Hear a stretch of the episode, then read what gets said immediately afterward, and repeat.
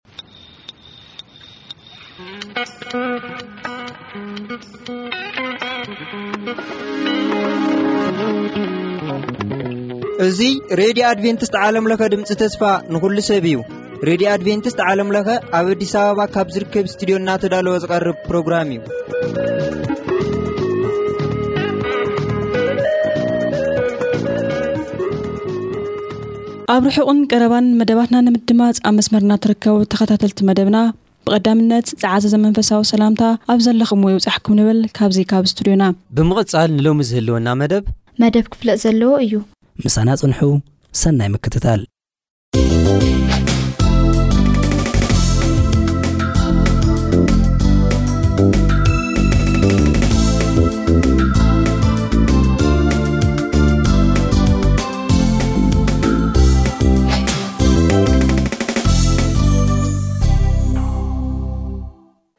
ሰላም ከመይ ትኾኑ ክቡራት ተኻታተልቲ መደብና እዚ ኣብ ዝሓለፈ ዝጀመርናዮ ብዛዕባ ዓብዪ ቀለስ ወይ ድማ ብዛዕባ ግሬት ኮንትሮቨርሲ ተባሂሉ ዝፅዋዕ ትምህርቲ ኢና ክንርኢ ቀፃልነቱ ማለት እዩ መበል ሳሳይ ራብዓይን ክፋል ሎምን ኣብ ዝቕፅልን ሒዝናዮ ክንቀርብ ኢና በዚ ድማ በዚ ክልተ ክፋላት ድማ እቲ ኣርእስቲ ክንውዶ ኢና ማለት እዩ ቅድሚ ኩሉ ግን እግዚኣብሔር ምእንቲ ከምህርናን ክመርሓናን ሕፅር ዝበለ ፀሎት ክንፅሊ ኢና ንፀልይ እግዚኣብሔር ኣምላኽ ስለዚ ግዜን ሰዓትን ነመስግነካ ኣለና ሕጂ ድማ ቃልካ ከፊትና ኣለና እሞ ቃልካ ከነጽንዕ ንስኻ ርድኣና ከም ምሕረትካ ከም ፍቓድካ ክንነብር ድማ ንስኻ ሓግዘና ብጎይታና መድሓና ንስ ክርስቶስ ስም ኣሜን እምበኣር ዓብዪ ቅልስ ብዝብል ኣርእስቲ ኢና ነርኣና ነበና ዓብዪ ቅልስ እንታይ እዩ ንምንታይ ከዓቢ ቅልስ ተባሂሉ ኣበይ እዩ ከተጀሚሩ መዓስ'ዩኸ ዝውዳእ? ዝብሉ ሕቶታት ብተደጋጋሚ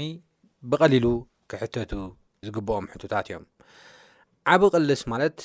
ኣብ መንጎ ክርስቶስን ሰይጣንን ዝግበር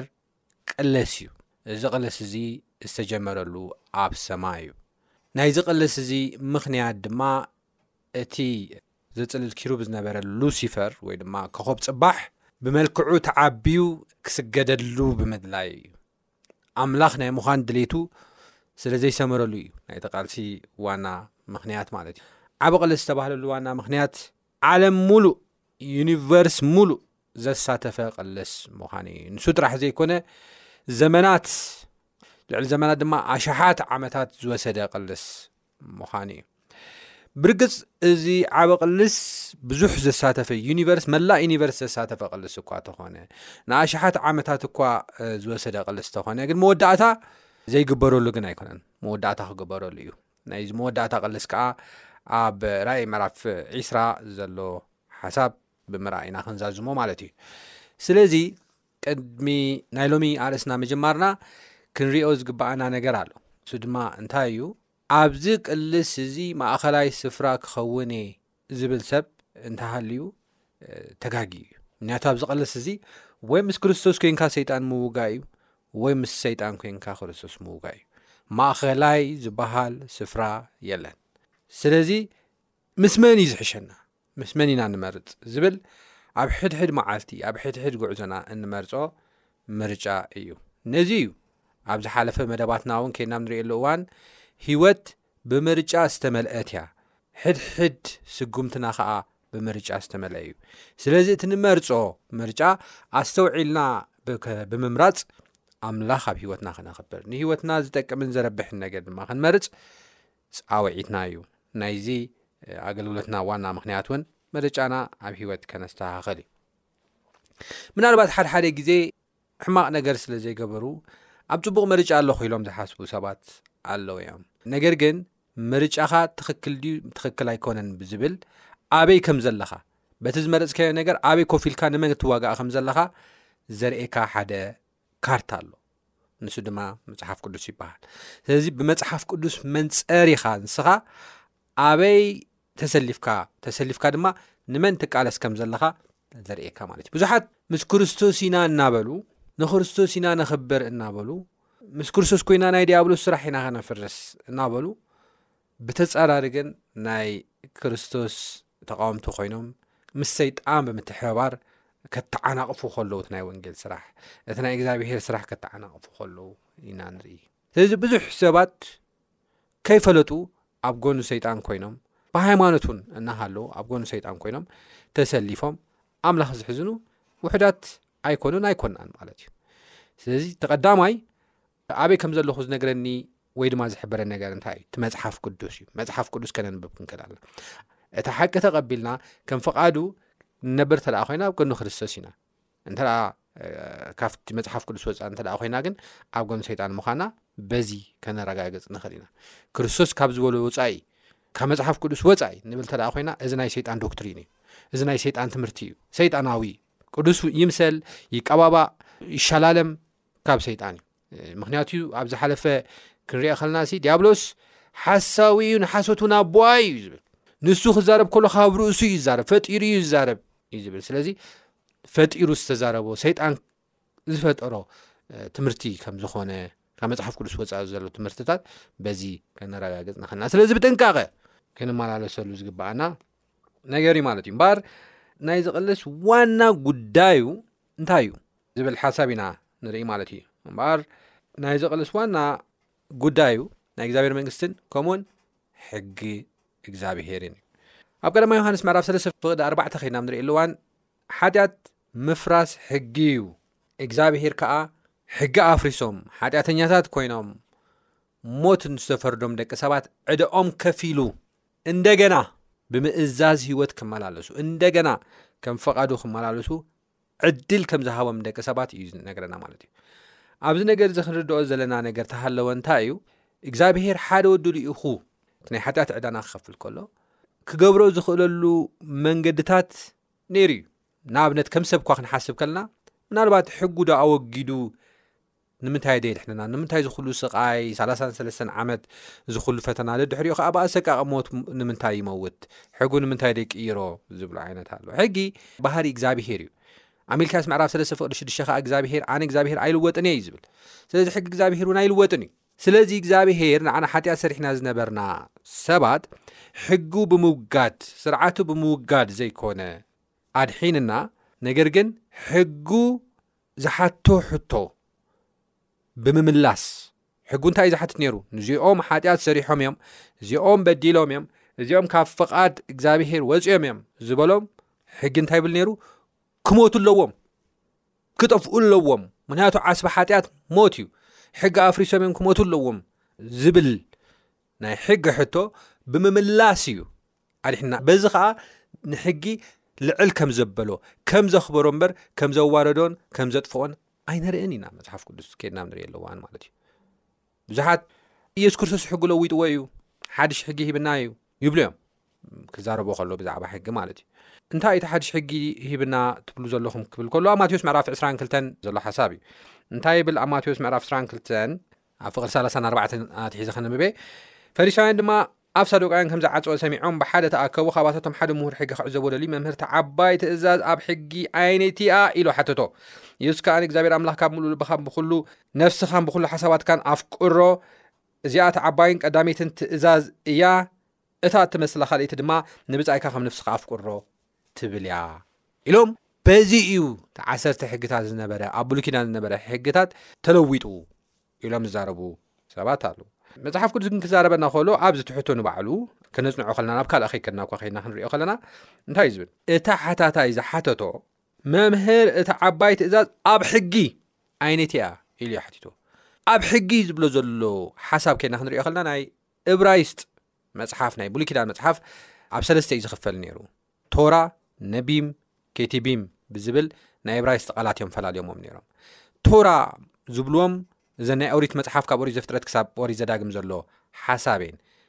ቶራ ማለት ድማ እዚአን ናይ ሕጊ መፅሓፍቲ እየን ተባሂለን ዝተፈለያ እየን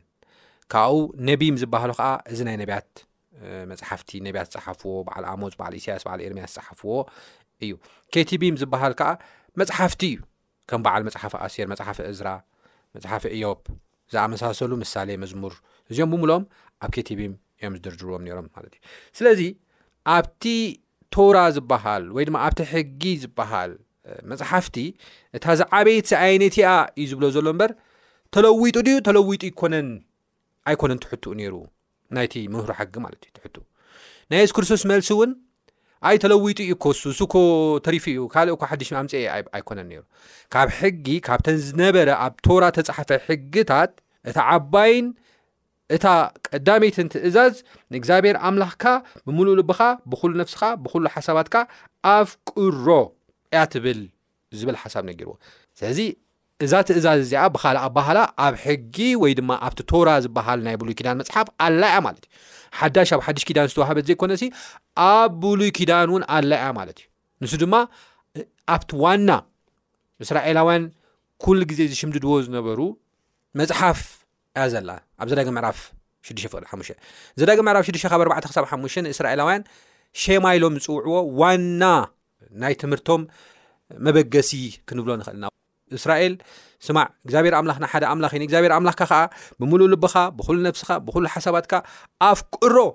ትብል ኣብ ዘዳግም ምዕራፍ ሽዱሽተ ፍቕዲ ሓሙሽተ ተጻሒፋ እያ ዘላ እምበር ኣብ ሓድሽ ኪዳን እተዋህበት ሓዳሽ ትእዛዝ ከም ዘይኮነ እዛ ትእዛዝ እዚኣ ዝነበረት ከም ዝኾነ እዩ ዝነግረና ንሱ ጥራሕ ኣይኮነን ድሓር እዚኣ እንታ ዓባይን እታ ቀዳመይትን ትመስላ ትእዛዝ እያ እታ ትመስላ ካልእቲ ድማ ንምጻኢካ ንነፍስኻ ኣፍቅሮ ትብል እያ ስለዚ የሱስ ክርስቶስ ተለዊጡ ኢሉ ይጽሓፎን ኣብ ሕጊ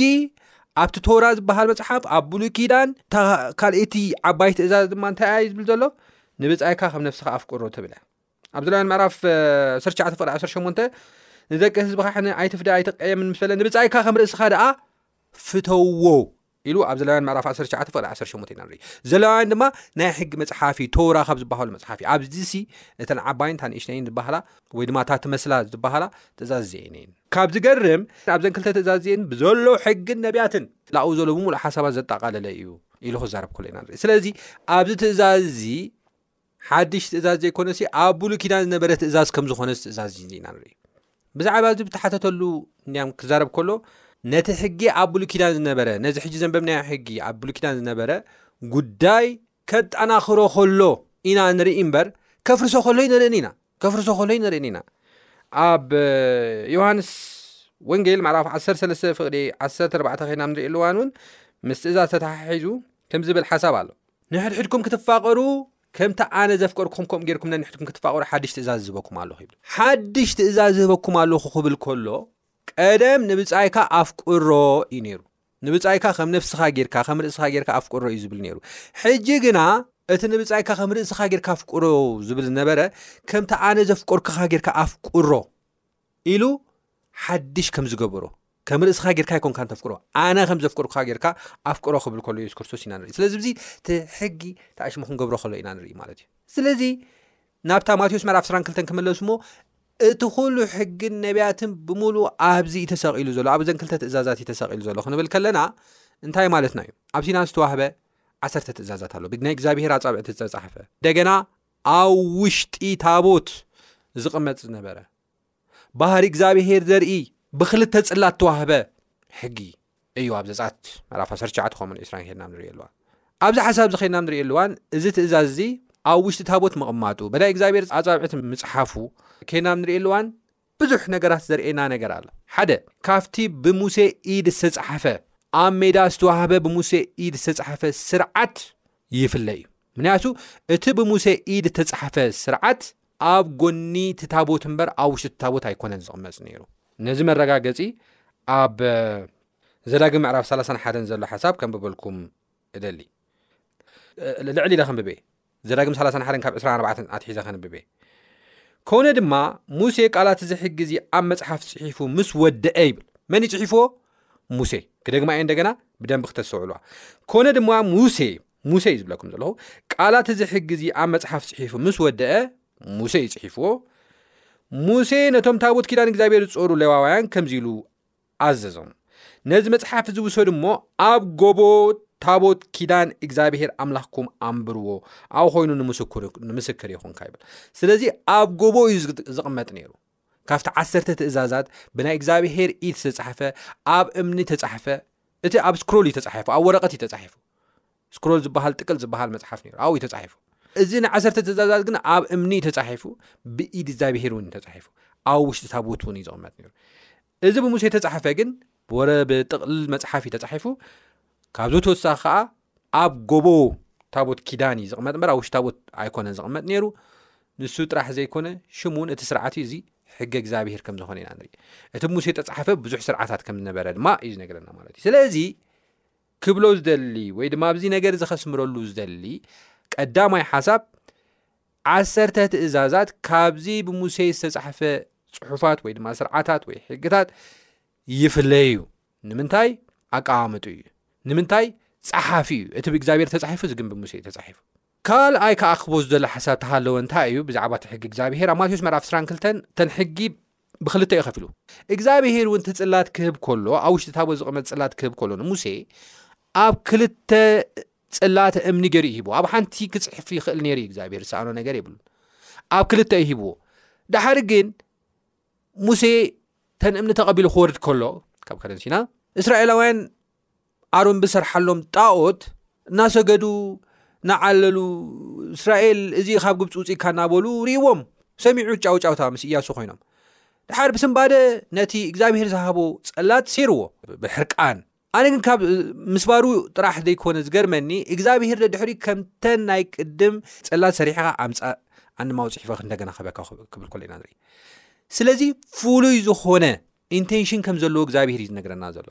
ፍሉይ ዝኾነ ኢንቴንሽን ከም ዘሎ ጸሪብካ ምጻእ ኣነ ይጽሕፎ ክብል ከሎ ኢና ንርኢ ሓሳቡ እኳ ኣይነገሮን ኢንፋክት እዚ ኣብ ዘዳጊ ምዕራፍ 31 ፍቅዲ 24 ዘንበብክዎ እኮ እግዚኣብሄር ሓሳቡ ነጊርዎ እኮ እዩ ሙሴ ይጽሒፍዎ እኮ ሓሳቡ ናይ እግዚኣብሄር እዩ ናይ ሙሴ ይኮነን ሓሳቡ ግን ሙሴ ይጽሒፎ ሙሴ ክጽሕፎ እዩ ገይርዎ እዚኤን ግን ወላ ተተሰብረስ ሓደ ከምተን ቀደም ዝነበራ ጽላት ክልተ ጽላት ጸሪብካ ኣምጽእ ክብሎ ከሉ ኢና ንርኢ እዚ እንታይ እዩ እቲ ሕጊ ኣብ ክልተ ከም ዝኽፈል ፍቕሪ ንእግዚኣብሄር ፍቕሪ ንኣምላኽ ከም ዝኽፈል ኢና ንርኢ እተን ካብ ቀዳማይ ክሳብ ራብዓይ ዘለዋ ትእዛዛት ፍቕሪ ንእግዚኣብሄር ዘርኣያ እየን እታ ቀዳመይቲ ትእዛዝ ካብ ምድሪ ግብፂ ካብ ቤት ባርነት ዘውፃእኳ ኣነ እግዚኣብሄር ኣምላኽካ እየ ካልኦት ኣማልኽቲ ኣብ ቅድማ ኣይሃልውኻ ኣብ ላዕሊ ኣብ ሰማይ ካብ ዘለዎ ኣብ ታሕቲ ኣብ ምድሪ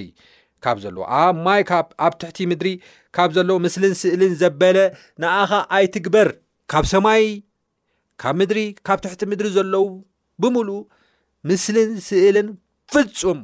ኣይትግበር እዩ ዝብል ኣይትስገደሎም ኣይተገልግሎም ድማ ምክንያቱ ብዙሓት ምስሊ ገይሮም ስእሊ ገይሮም እንታይ ገብሩ እዮም ጣዖታት ይሰግድሎም እዮም እሞ ስለዚ ኣይትግበር ኢሉ ክጅመር ከሎ ምስልን ስእልን ኣይትግበር ኣይትስገደሎም ኣይተገልግሎም ድማ ኣነ እግዚኣብሔር ኣምላኽካ ቀና ኣምላኽ እየ እሞ ንፀሎን ሓጢኣት ቦታት ኣብ ደቂ ክሳዕ ሳልሳይ ክሳዕ ራብዓይ ወለዶ ዝቐፅዕ ንዝፈትውን ትእዛዘይ ዝሕልውን ግና ክሳዕ ሽሕ ምሕረት ዝገብር ኢሉ እቲ ሳልሳይ ከኣ እግዚኣብሔር ስሙ ብኸንቱ ንዘልዓላ ከይቀጽዓ ይሓድጎን እዩ እሞ ስም እግዚኣብሔር ኣምላኽካ ብኸንቱ ኣይተልዕል ራብዓይ ከዓ መዓልቲ ሰንበት ክትቅድሳ ዘክር ሽዱሽተ መዓልቲ ዕየ ተግባርካ ኩሉ ግበር እታ ሳብዒይቲ መዓልቲ ግና ናይ እግዚኣብሔር ኣምላኽካ ሰንበት እያ ናይ ማንም ኣይኮነትን ናይ እከለ ወይ ናይ እከለ ወይ ናይ ኣይሁድ ወይ ናይ ኣዳም ወይ ናይ ኢትዮጵያዊ ኣይኮነትን ናይ እግዚኣብሄር ኣምላኽካ ሰንበት እያ እዩ ዝብል እግዚኣብሄር ፈጢሩ ዝዓረፈላ ሰንበት እያ እምበር ናይ ሰብ ኣይኮነትን ናይ ኣይሁድ ኣይኮነትን ብኣ ንስኻን ወድኻን ጓልካን ግዝኡኻን ግዝእትኻን ማልካን ኣብ ውሽጢ ደጌታ ዝነብር ስደተኛ ገለ ዕዮ እኳ ኣይትዕየዩ እግዚኣብሄር ብሽዱሽተ መዓልቲ ሰማይን ምድርን ባሕርን ኣባታቶም ዘለዎ ኩሉን ገይሩ እዩ እሞ ብሳብዒቲ መዓልቲ ከዓ ዓረፈ ስለዚ እግዚኣብሄር ንመዓልቲ ሰንበት ባረኻን ቀደሳን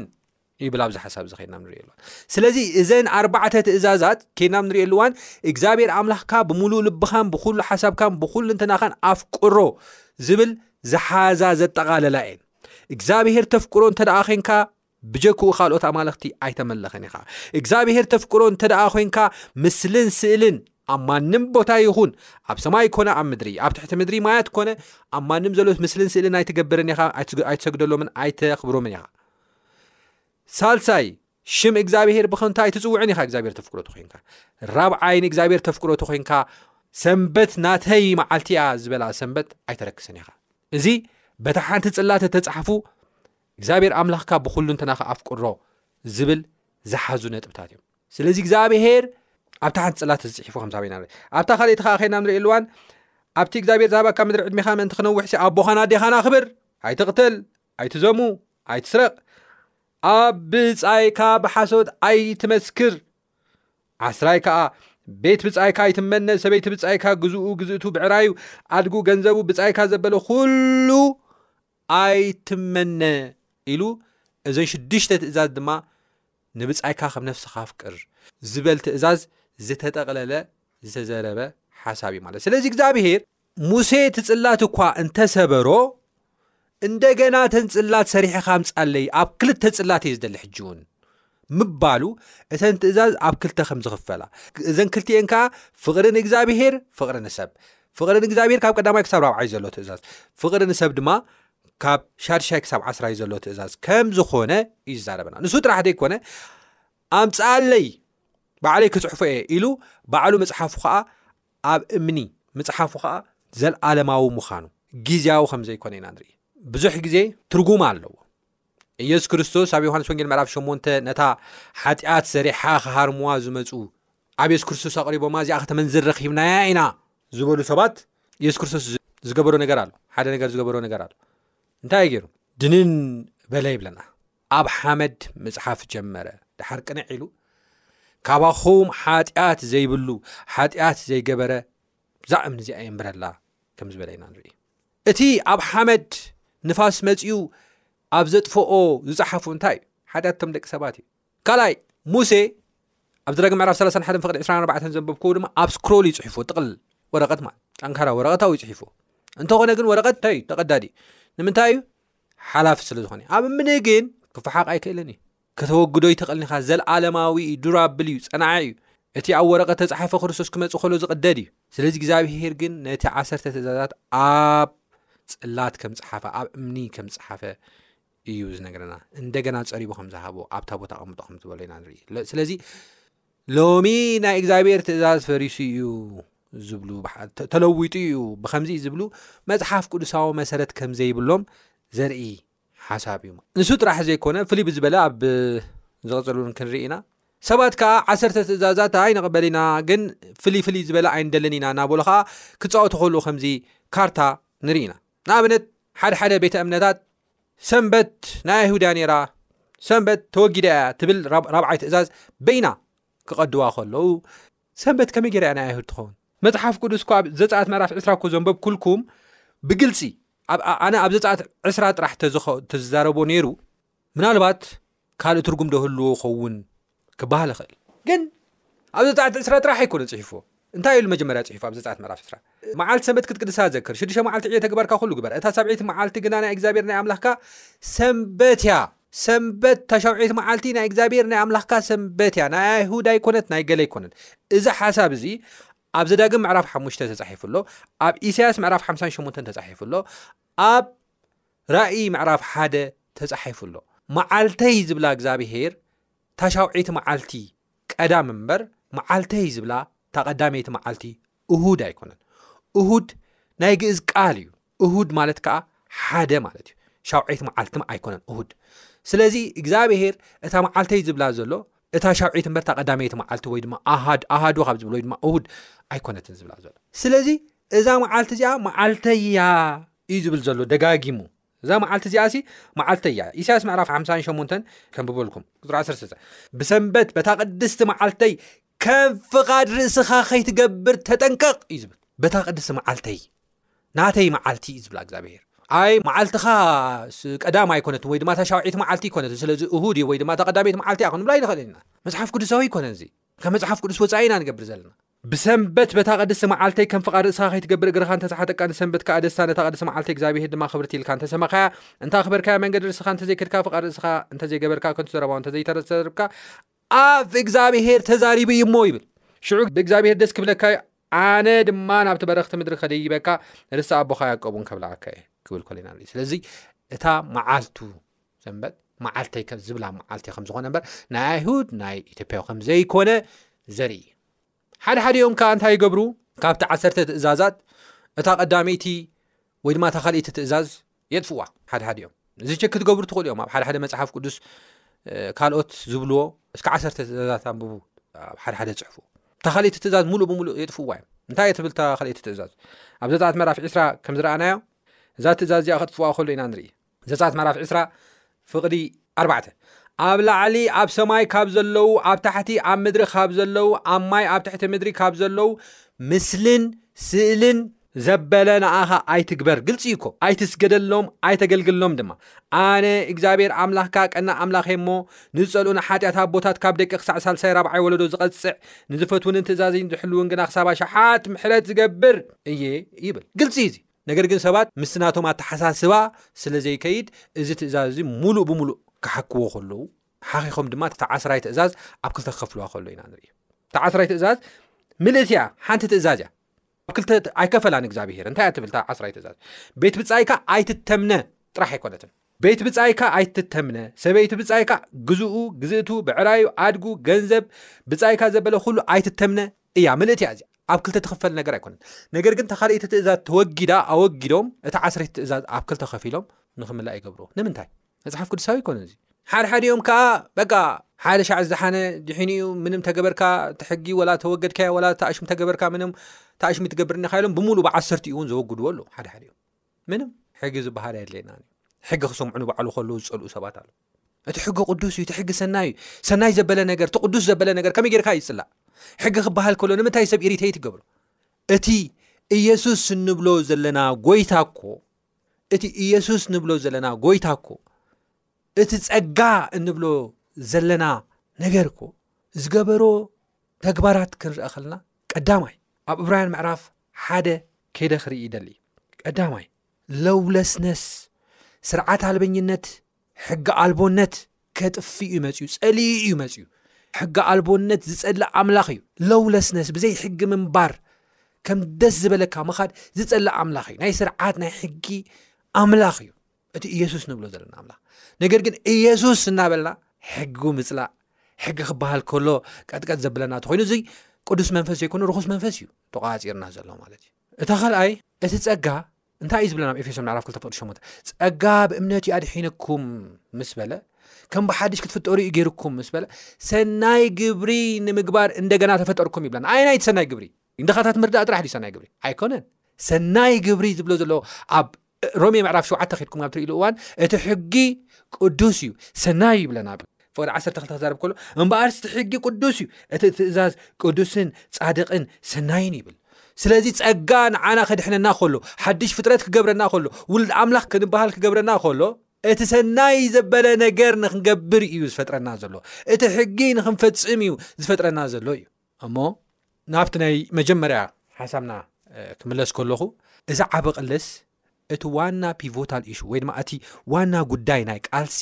እቲ ትኩረት ናይቲ ቃልሲ ንእግዚኣብሔር ትእዘዝ ዲኻ ንእግዚኣብሔር ኣይትእዘዝን ኢኸ መጀመርያ እውን ኤደን ገነት ዝቐረበትሎም ሕቶ ወይ ድማ ዝቐረበትሎም ፈተና ንእግዚኣብሔር ትእዘዝ ዲኻ ኣይትእዘዝን እያ ሕጂ እውን ንክርስቶስ ምእማናን ዘይምእማናን መረጋገፂ ዘርኢ መፈተኒ ትእዛዝ እዩ ንእግዚኣብሔር እዘዞ ደ ኣይእዘዞን ከም ፍቓዱ ይኸይድ ደ ኣይከይድን እዚ እዩ እዚ ከምቲ ቅድሚ ኢለ ዝበልኩኹም ኣብቲ ዓብ ቓልሲ ብዙሓት ብፍላጥ ኮነ ብዘይፍላጥ ካብ እግዚኣብሄር ወፂኦም ኣብ ጎኒ ሰይጣን ኮይኖም ንእግዚኣብሄር ይቃለሱሎ እዮም ሎሚ እግዚኣብሄር ይፅዋዕ ኣሎ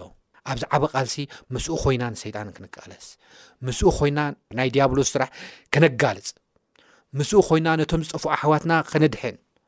ምስኡ ኮይና ነቶም ተሸገሩ ኣሕዋትና ክንበፅሕ እግዚኣብሄር ይፅዋዕ ኣሎ ሞዙ ፃውዒት ዝተቐቢልና